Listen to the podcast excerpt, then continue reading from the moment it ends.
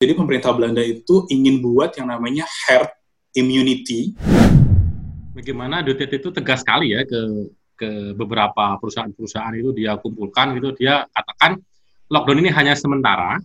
Mm-hmm. Tolong jangan sampai ada yang mem-PHK istilahnya gitu mem-PHK karyawannya. Pemerintah Filipina ter, terlihat mereka overwhelmed se sebenarnya gitu. But at least mereka punya plan.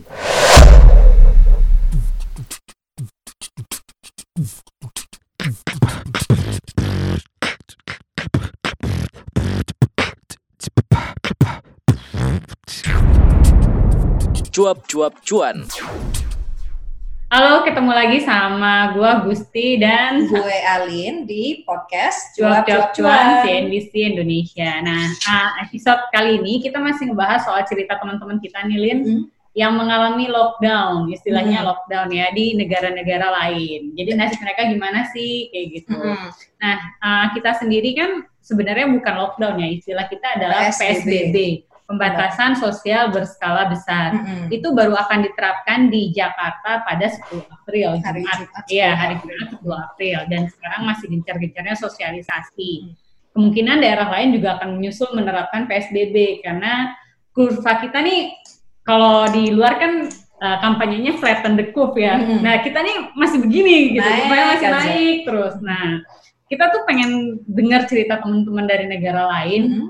yang sudah ibaratnya yang sudah uh, lockdown terlebih dahulu, hmm. gimana sih di negeri itu kayak gitu apa aja sih yang kalian rasakan se setegas apa sih pemerintahnya berbagi cerita aja. Dan hmm. sekarang ada bersama kita masih uh, Gigi di Manila. Mm-hmm. Manila kan menarik karena dia dipimpin oleh Duterte ya, yang sangat iya, ya horornya ya di bawah Kim Jong Un lah gitu. Ketegasan pemerintah iya, gitu ya menarik uh, ya. Sama ketegasan pemerintahnya sangat menarik dan sebenarnya kan juga konfliknya agak-agak sama-sama Jakarta sebenarnya ya. Mm-hmm. Nah terus juga ada satu ada lagi. Ega, ini Ega ada di Den Haag ya ga ya di Belanda. Dan mm-hmm. uh, Ega juga kerja di sana ya. Apa maksudnya kerja di Belanda dan sekarang lagi WFH. Kalau uh, kalau di episode sebelumnya kita udah sempat dengar ceritanya Gigi bahwa di Manila itu istilahnya adalah community quarantine, quarantine. dengan melibatkan militer ya, ada checkpoint checkpointnya dan ada ancaman ditembak mati ketika hmm. melanggar jam malam gitu. Dan harus ke mana-mana harus bawa sertifikat atau surat hmm. buat belanja yang harus di setujui oleh ibaratnya camatnya ya hmm. di Banggra ya namanya. Camat setempat. Nah kalau di Belanda tuh apa sih enggak mekanisme yang diterapkan gitu? Apakah lockdown juga atau apa gitu istilahnya? Istilahnya sama nggak atau istilahnya seperti apa? Hmm. Jadi kalau di Belanda itu istilahnya namanya adalah intelligent lockdown. Hmm. Intelligent lockdown itu jadi emang uh, di sini tuh nggak 100% lockdown. Hmm. Uh, masih boleh keluar rumah tanpa harus membawa permit apa pun. Mm-hmm. Maksudnya kerja lockdown itu adalah pemerintah itu menganggap uh, penduduknya itu udah dewasa. Mm-hmm. Jadi nggak perlu ngatur seperti ya bukan mengatur seperti anak-anak, tapi lebih ke arah kayak um, sudah dewasa, jadi sudah sudah tahu. Tapi ada aturan harus tapi ada aturan-aturan yang harus diikutin. Contohnya misalkan kalau misalkan mau keluar rumah harus tetap jaga jarak satu setengah meter. Hmm. Terus uh, kalau misalkan melanggar itu uh, ada dendanya juga. Uh, lalu kalau misalkan memang memang sakit, lebih baik di rumah saja nggak perlu nggak nggak perlu keluar gitu kan karena siapa tahu bisa uh, membahayakan buat orang-orang yang uh, beresiko gitu kan. Tadi uh, ngomongin tentang denda, jadi intinya adalah kalau di Belanda itu sendiri hmm uh, gathering atau kumpul-kumpul sama orang sama teman-teman atau apa pun itu pesta ulang tahun pernikahan lebih dari tiga orang itu uh, di, tidak diperbolehkan sampai satu Juni uh, kena denda bisa kena denda 400 euro satu orang. Oh sampai satu Juni ya, aturannya? Ya? Sampai satu Juni aturannya ya. Wow, Jadi misalkan ini uh, ketahuan nih lagi uh, mungkin ke taman terus arisan di taman. Karena di sini emang lagi kita habis habis habis winter terus sekarang tuh uh, uh, cuacanya tuh lagi bagus banget lagi cerah banget. Jadi banyak orang yang pada keluar gitu kan. Berhubung semua toko-toko apa restoran kafe kan pada tutup. Banyak yang melanggar juga. Jadi kayak banyak yang sort of uh, apa namanya uh, um, di taman jauh-jauh gitu uh, kena lah denda satu satu orang. Jadi per grup misalkan lima orang per orang kena denda 400 euro gitu. Hmm. Dan berapa ya? 400 euro tuh berapa sih kalau dirupiahin enggak? 4 jutaan ya? 45 jutaan. Sekarang tuh satu euro kalau nggak salah 18 ribu, oh, 17 ribu, ribu euro ya lagi naik sekarang. Saya 18 ribu kali 400. Ini berlaku. Iya. berlaku sejak yeah. kapan nggak kalau boleh tahu? In Berlakunya itu sejak kalau nggak salah dua minggu yang lalu. Jadi pemerintah di Belanda itu uh, Mark Rutte kan, perdana menterinya, jadi dia tuh selalu uh, setiap hari Selasa hmm. jam 7 malam itu selalu ngasih kayak update, terus kayak oh ini informasi terbarunya, uh, mungkin denda atau apa peraturan-peraturan barunya. Jadi itu kalau nggak salah udah berlaku sejak dua, uh, dua minggu yang lalu. Ya. Oh. Dan denda yang 400 euro itu satu lagi sama kalau misalkan toko. Toko baju, apa pun itu sebenarnya masih boleh buka Hmm. Termasuk di Belanda kan uh, ada toko ya apa toko ganja itu ganja di di Belanda kan uh, legal. legal. Hmm. Jadi uh, mereka tuh masih boleh buka sebenarnya asalkan bisa memaintain satu setengah meter. Oh, Oke, okay. oh. jaraknya. Nggak bisa memaintain satu satu setengah meter uh, kena denda empat ribu euro. Hmm, itu kalau untuk toko ya. Kalau oh mm-hmm, kalau... gimana ya? Itu nanti akan ada petugas-petugasnya gitu yang memantau ini satu setengah meter. Uh, ada yang keliling gitu apa gimana sih kak? Ada yang keliling. Jadi kemarin itu kalau nggak salah uh, weekend kemarin deh, gue tuh ke taman dan ada polisinya yang emang keliling naik motor gitu, hmm. nanya-nanyain kalau ini siapa, terus uh, ya tuh jadi mereka yang akan bisa kena denda, uh, memberikan denda tuh mereka itu si polisi-polisi itu. Oh gitu. Jadi kalau nggak salah tuh kemarin gue lihat ada uh, sekumpulan remaja-remaja uh, ya yang lagi duduk-duduk gitu kan santai-santai sambil menikmati cerahnya udara. Mereka juga diusir sama si polisi itu untuk kayak oh lo mendingan pulang segala macam. Gak berkumpul gitu ya? Karena mereka kalau nggak salah berkumpul lebih dari tiga, jadi of course, jadi hmm. mereka disuruh pulang. Kalau di sini kan aturannya lima, kalau hmm. yang Pak Anies terapkan. Jadi kalau misalnya lebih dari lima orang hmm. dibubarkan hmm. gitu. Tapi di sana kayak sekolah segala macam tutup kan ya sama ya di mana-mana sama gitu. Hmm, jadi sejak 12 12 Maret, jadi puncaknya kalau nggak salah 12 Maret, ya 12 Maret, tok uh, sekolah tuh tutup, hmm. uh, toko, uh, uh, uh, restoran, kafe, no, jadi sekolah dulu yang tutup sama dianjurkan untuk kantor-kantor itu um, apa namanya kerja dari rumah. Hmm. Lalu uh, kurvanya naik weekend, jadi 12 Maret tuh Kamis, hmm. gue inget banget. Terus 12 Maret weekendnya kalau nggak salah tiga hari kemudian itu pemerintah langsung bilang semua toko, restoran, kafe tutup sampai 6 April, uh, uh, termasuk toko ganja juga. Uh, dan dan akhirnya setelah tapi belum ada denda, hmm dilihat lagi kurvanya, kalau nggak salah hari Selasanya, kurvanya makin naik dan akhirnya pemerintah bilang, uh, pemerintah Belanda bilang untuk kalau ya lockdown itu ya akhirnya berlaku. Jelang lockdown itu, jadi ditutup. Satu lagi ngomongin tentang intelligent lockdown, jadi pemerintah Belanda itu ingin buat yang namanya herd immunity. Oh, oh iya, di sini juga tuh kayaknya. Tempat heboh. Nah, itu dia. Itu dan terus jadi ya, jadi, kan gitu. Iya, jadi makanya uh, ya apa namanya uh, uh, masih masih boleh dibuka, tapi ya tetap bertanggung jawab ibaratnya gitu. Jadi herd herd immunity itu ya seperti yang mungkin kalian tahu juga. Jadi kayak uh, mereka ingin apa namanya menunjukkan kalau uh, ya ini ini tuh namanya apa uh, berdasarkan expert um, health dari hmm. Belanda mereka bilang kalau uh, ini bisa somehow membush uh, virus ini untuk untuk untuk makin imun sama apa namanya sama orang-orang gitu di sini. Oh gitu.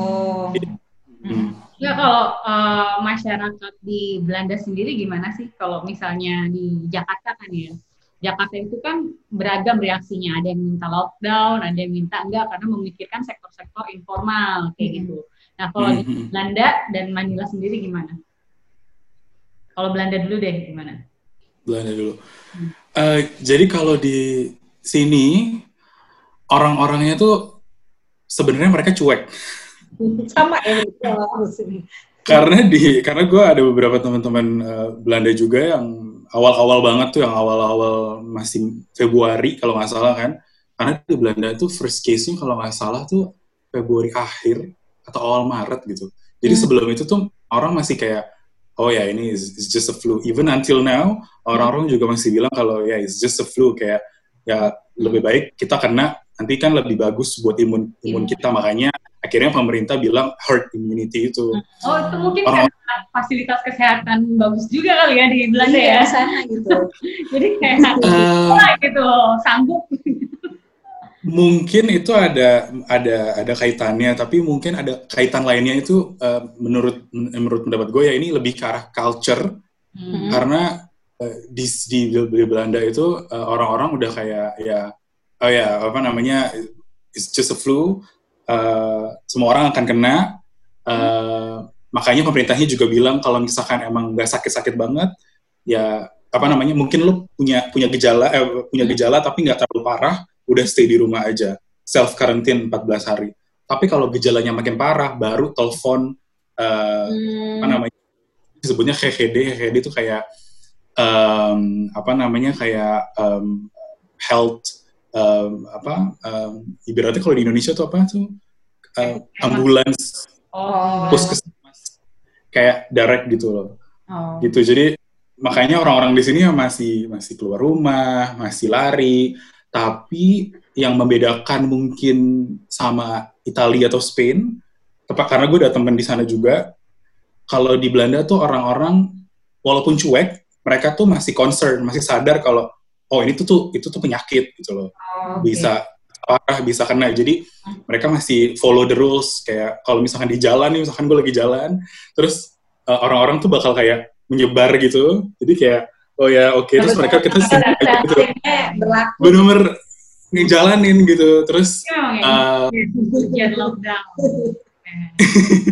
itu sih yang emang udah tumbuh gitu ya walaupun tidak ada ketakutan tapi memang mereka sadar bahwa rules ini harus diikutin gitu in order supaya nggak uh, ketularan atau malah menyebarkan gitu ya gak ya Yes, betul sekali. Jadi oh, ada iya. yang awal-awal tuh takut, tapi sekarang tuh, eh awal-awal tuh nggak nggak begitu takut, cuek aja. Sampai sekarang tuh masih ada aja yang cuek, tapi makin banyak juga yang khawatir. Tapi udah seminggu ini tuh uh, kurva kematiannya dan case-nya tuh makin makin stabil, jadi kayak uh, ya ya stabil, jadi nggak nggak terlalu nambah banyak. Case positif udah berapa gak di sana?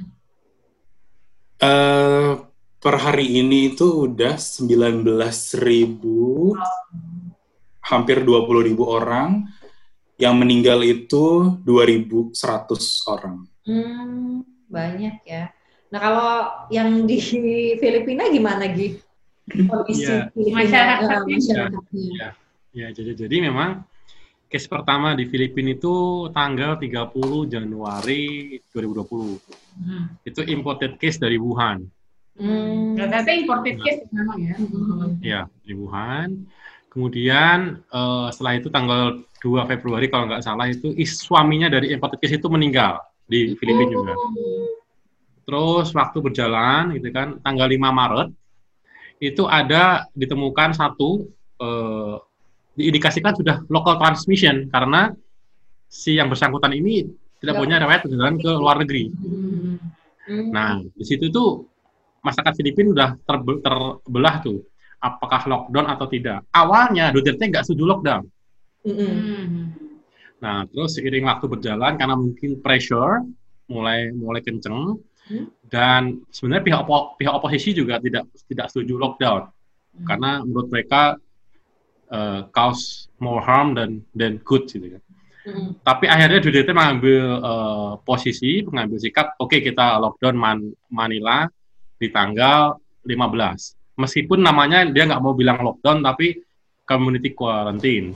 Hmm. Ini di tanggal 17 ditambahkan lagi enhanced community quarantine. Hmm. Nah, okay. di situ sebenarnya uh, uh, masyarakat banyak mendukung Duterte ya. Hmm. Tapi di sisi lain banyak yang mereka khawatir. Terutama bagaimana nanti pekerjaan saya gitu kan. Yeah. Nasibnya gimana, gaji saya gimana. Nah di situlah saya juga lihat bagaimana Dutet itu tegas sekali ya ke ke beberapa perusahaan-perusahaan itu dia kumpulkan gitu dia katakan lockdown ini hanya sementara hmm tolong jangan sampai ada yang mem-PHK istilahnya gitu mem-PHK karyawannya oh berarti Duterte sampai manggil-manggilin pengusaha ya ke yeah, yeah. ke kantor presidennya itu terus menegaskan Betul. pengusaha itu bahwa jangan sampai ada PHK gitu. Iya, jangan sampai ada. Karena ini hanya sementara, oh. paling banter hanya satu bulan dan atau satu setengah bulan. Hmm. Jadi di situ para saya melihatnya bisnis para pengusaha juga bisa bisa for, forecast ya. Hmm. Kira-kira oh asik kita ini seperti seperti, seperti ini. Oh karena dia dari awal sudah tegas ya. Jadi ini kita mau, iya. mau ibaratnya hmm. lockdown satu setengah bulan. Kalian proyeksi deh gitu kemampuan iya, bisnis, kalau jadi udah tegas gitu. Kalau gue lihat Duterte itu nggak cuma punya ketegasan, tapi dia juga punya uh, apa sih meyakinkan gitu dunia usaha bahwa ini nggak akan lama gitu kan tenang aja gue I'll take care of this lah gitu. Hmm. maksudnya ya udah gue gercep nih gue tahu apa yang harus gue lakukan. Jadi lu nggak usah khawatir lu jangan pecet-pecetin orang gitu. Jadi nggak cuma tegas tapi juga jelas gitu. Lihat ya. Lihat ya nggak sih? betul betul. Jadi saya melihat juga sebagai uh, warga yang tinggal di sini ya. Hmm. jadi saya melihat pemerintah Filipina ter, terlihat mereka overwhelmed se sebenarnya. Hmm. karena, karena mereka sama Indonesia kan ya maksudnya kayak betul, betul. fasilitas betul but at least mereka punya plan itu yang saya lihat. ya, mereka punya plan, mereka tahu apa yang mereka lakukan. Ya, kayak Belanda lah, mereka juga tahu mereka mau herd immunity. Iya. gitu. Belanda tuh ditunjang dengan infrastruktur yang udah bagus yeah. dan masyarakat yang memang sudah punya kesadaran gitu kan. Enggak, ya tapi gue penasaran nih. Ternyata kan kasus di Belanda tinggi banget, sembilan belas ribu, iya, sembilan belas ribu. Nah di Den Haag sendiri mungkin lebih tinggi kali ya. Lo sendiri gimana? Merasa takut atau kayak gimana kan kalau gua aja di sini ya di Jakarta gitu. Jakarta kan dua uh, eh Indonesia kan 2.900 kasus, Jakartanya sendiri hmm. mungkin hampir separuhnya. Ini gua ke mana-mana udah Arno kayak gitu. Dan apalagi lo yang udah 19.000 kasus, gimana gak? Uh, awal banget itu waktu kasusnya baru mencuat kan di Wuhan Januari itu gue uh, deg-degan. Kayak wah ada apa nih? Gitu kan.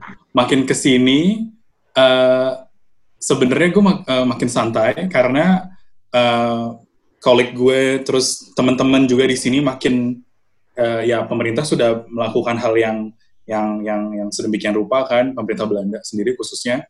Terus uh, se sekarang intinya gue um, fine karena masih uh, beruntung sekali masih bisa masih bisa kerja dari rumah karena uh, uh, sempat khawatir mungkin ada layoff yeah. uh, dan hal-hal seperti itu. Uh, tapi pemerintah Belanda sendiri itu sebenarnya sangat sangat suportif karena mereka tuh ingin sekali me menyokong, mensupport semua bisnis makanya mereka bikin intelligent lockdown ini untuk toko-toko yang uh, local, you know, local uh, UMKM gitulah ya, Iya UKM UKM gitu. mereka masih boleh buka intinya gitu. Uh, dan alhamdulillahnya kantor gue pun tuh sangat jadi memang mungkin ini culture-nya di Belanda juga culture uh, apa work life balance hmm. jadi yang ditonjolkan itu yang pertama kali adalah taking care of yourself intinya gitu hmm. uh, kerjaan tuh kerjaan tuh akan selalu ada tapi intinya first taking care of yourself. Itu somehow yang membuat gue juga untuk untuk lebih ya nggak usah khawatir. Kayak ya first thing is taking care of myself gitu kan.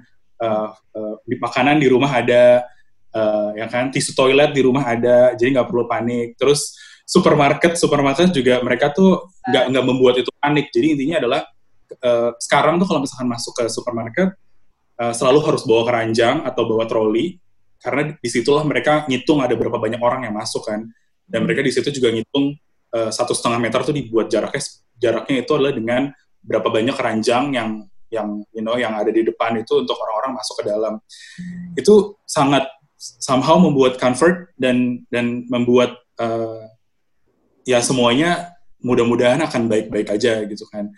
Gue pun masih naik public transport yang gue bilang karena rumah gue sebenarnya nggak ya, ya, ya, gue gue masih harus naik public transport ke rumah gue yang lain.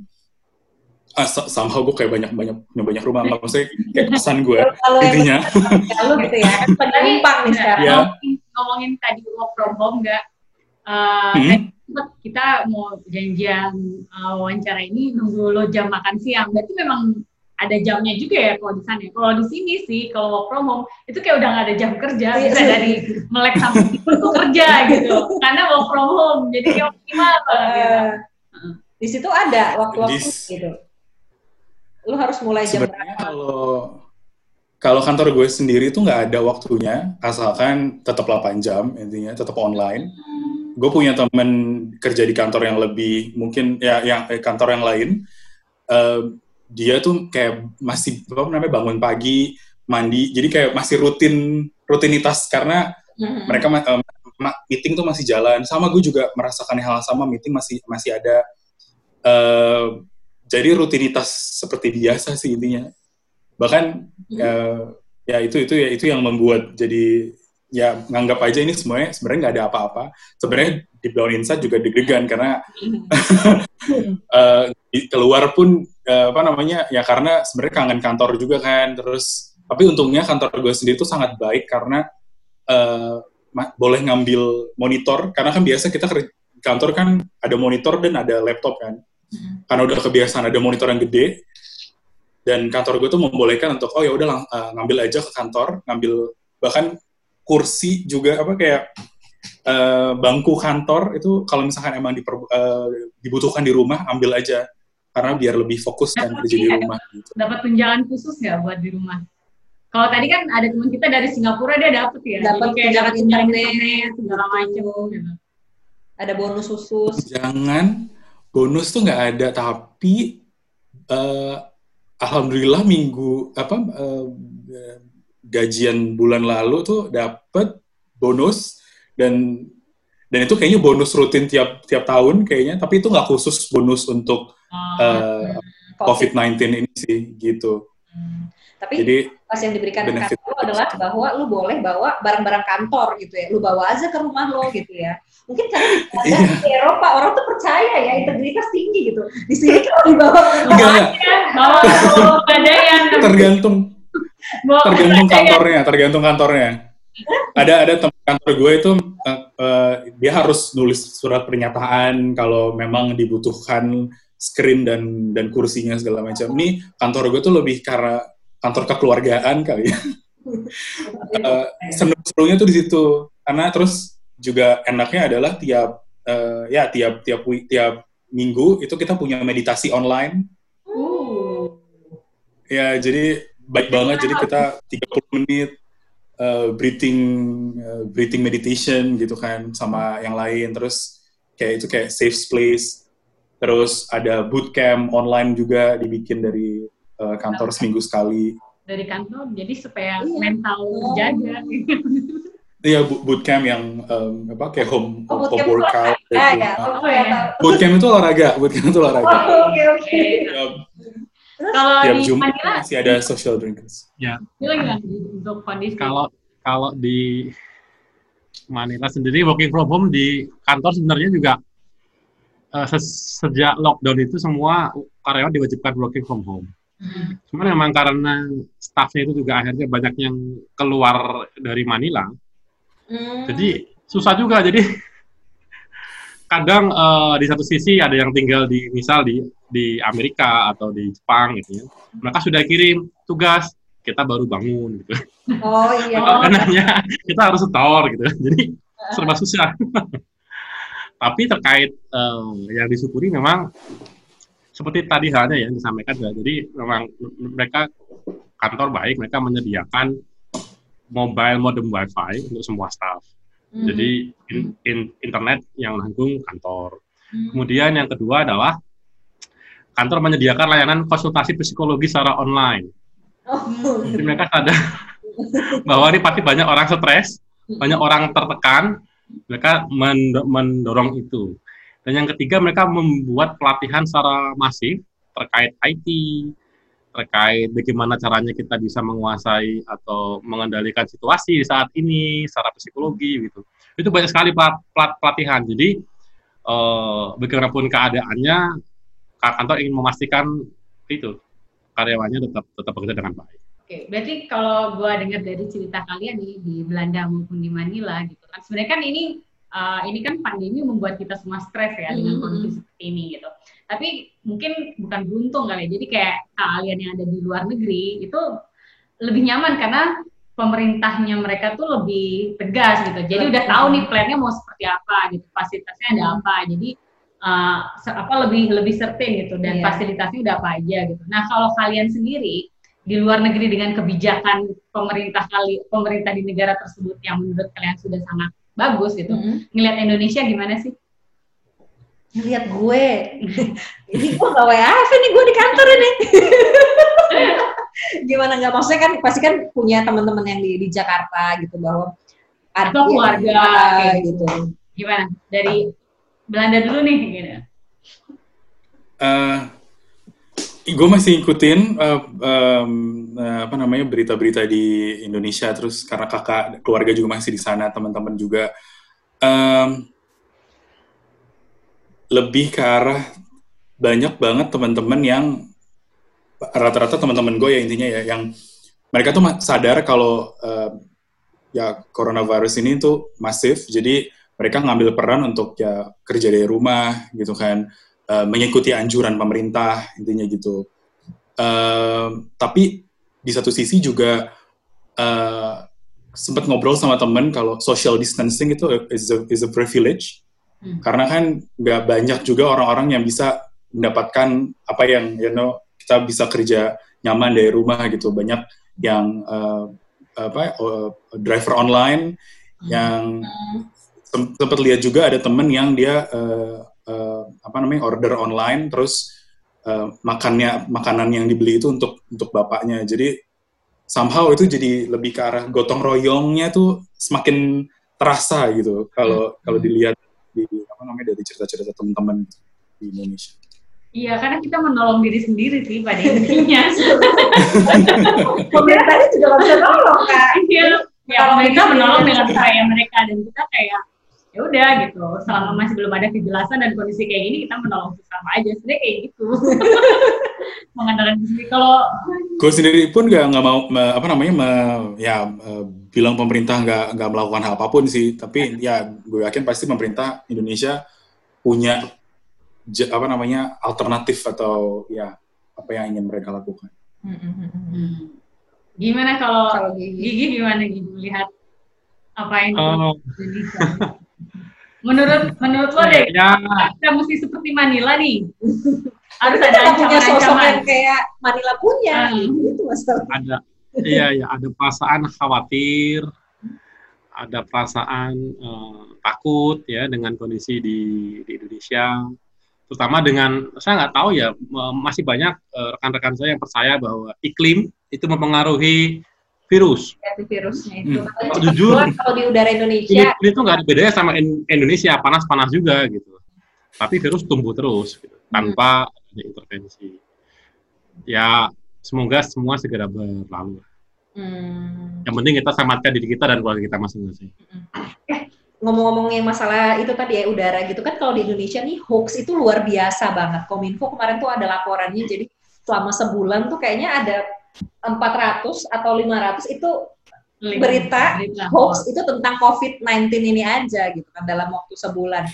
Kalau di sana gitu di Belanda atau masih ada, ada sih hoax-hoax aneh gitu Enggak kayaknya ya. Pada di Dia aja tapi ada intelijen. Oh. kalau sampai ada hoax. Di Belanda. lagi. kalau di Belanda itu gue gak tahu ini ini hoax apa enggak. Cuman banyak yang berasumsi. Ini nggak resmi dari pemerintah, tapi banyak yang berasumsi kalau uh, virus corona itu akan uh, uh, akan akan berkurang di atas 15 derajat Celcius. Oh, nah, ini udah panas banget di sini. Nah, tapi tiga puluh badan sama suhu cuaca. di atas.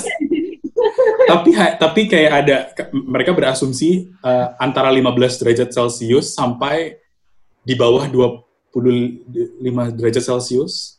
Jadi virus itu tuh akan akan akan menghilang atau mati ah. gitu. Tapi kalau di atas itu, nah itu dilihatlah itu dari di Thailand atau di Filipina atau di Indonesia juga kan itu iya. derajatnya satu derajat sebenarnya uh, kalau di Filipina gimana ada hoax hoax apa gitu uh, Ya di di grup sih banyak bersyukuran kayak ada tiba-tiba ada video penjarahan.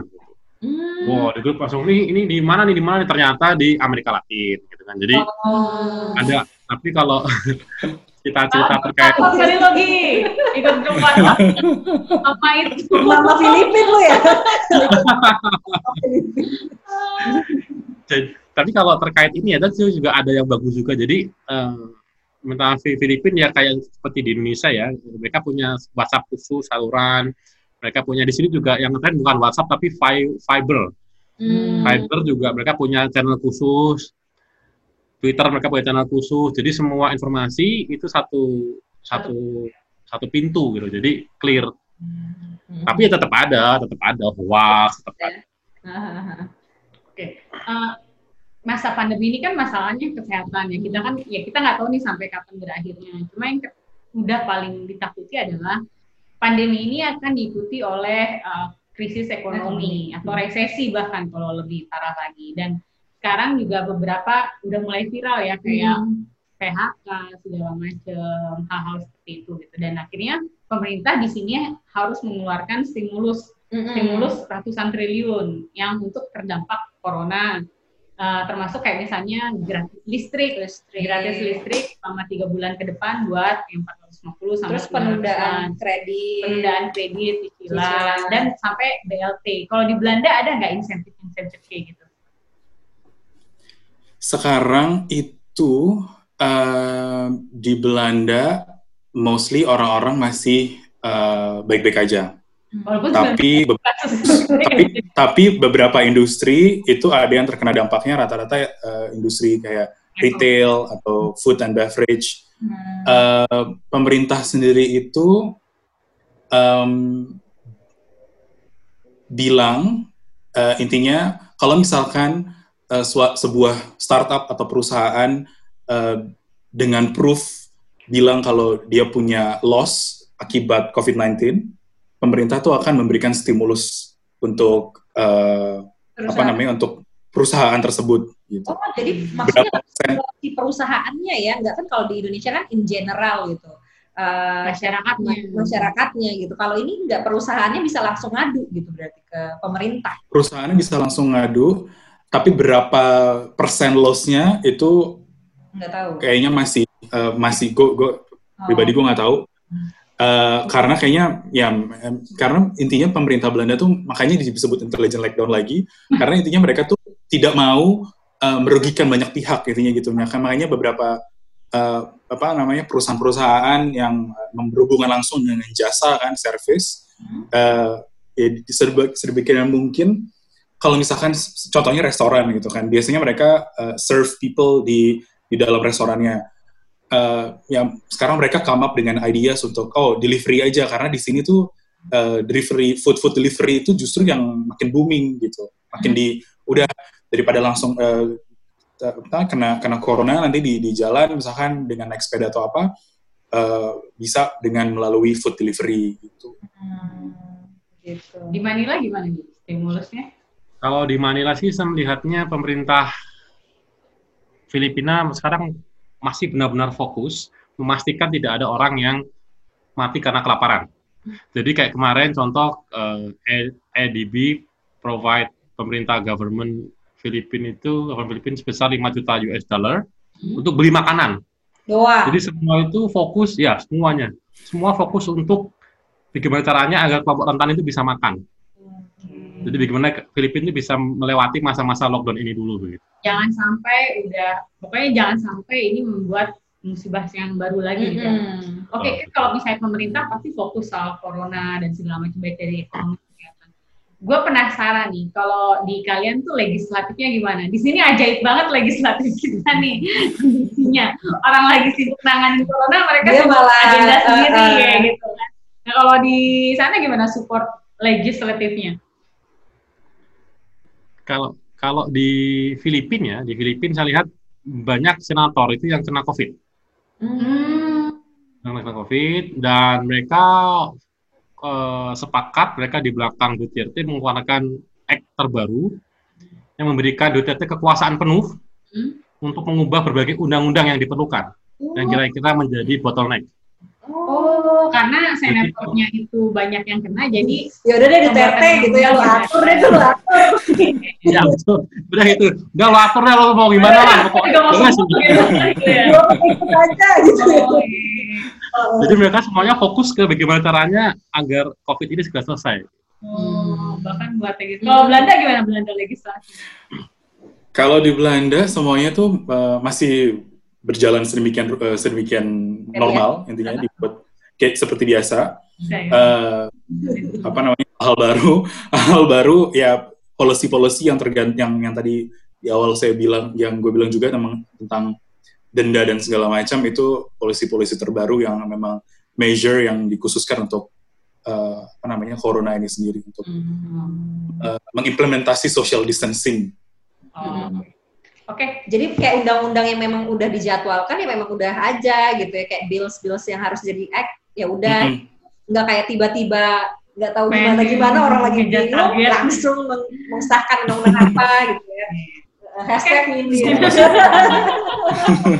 Prihatin ya. Iya ya, kita semoga kita semua sehat-sehat aja. Ya. Dan kalian berdua juga di sana di perantauan semoga sehat-sehat. Ya, semoga bisa ketemu lagi dengan keluarga di Indonesia. Amin. Nanti pandemi ini sudah berlalu pastinya. Terima kasih banyak, sehat-sehat semuanya. Kita ketemu lagi di lain waktu. Terima kasih. Bye bye.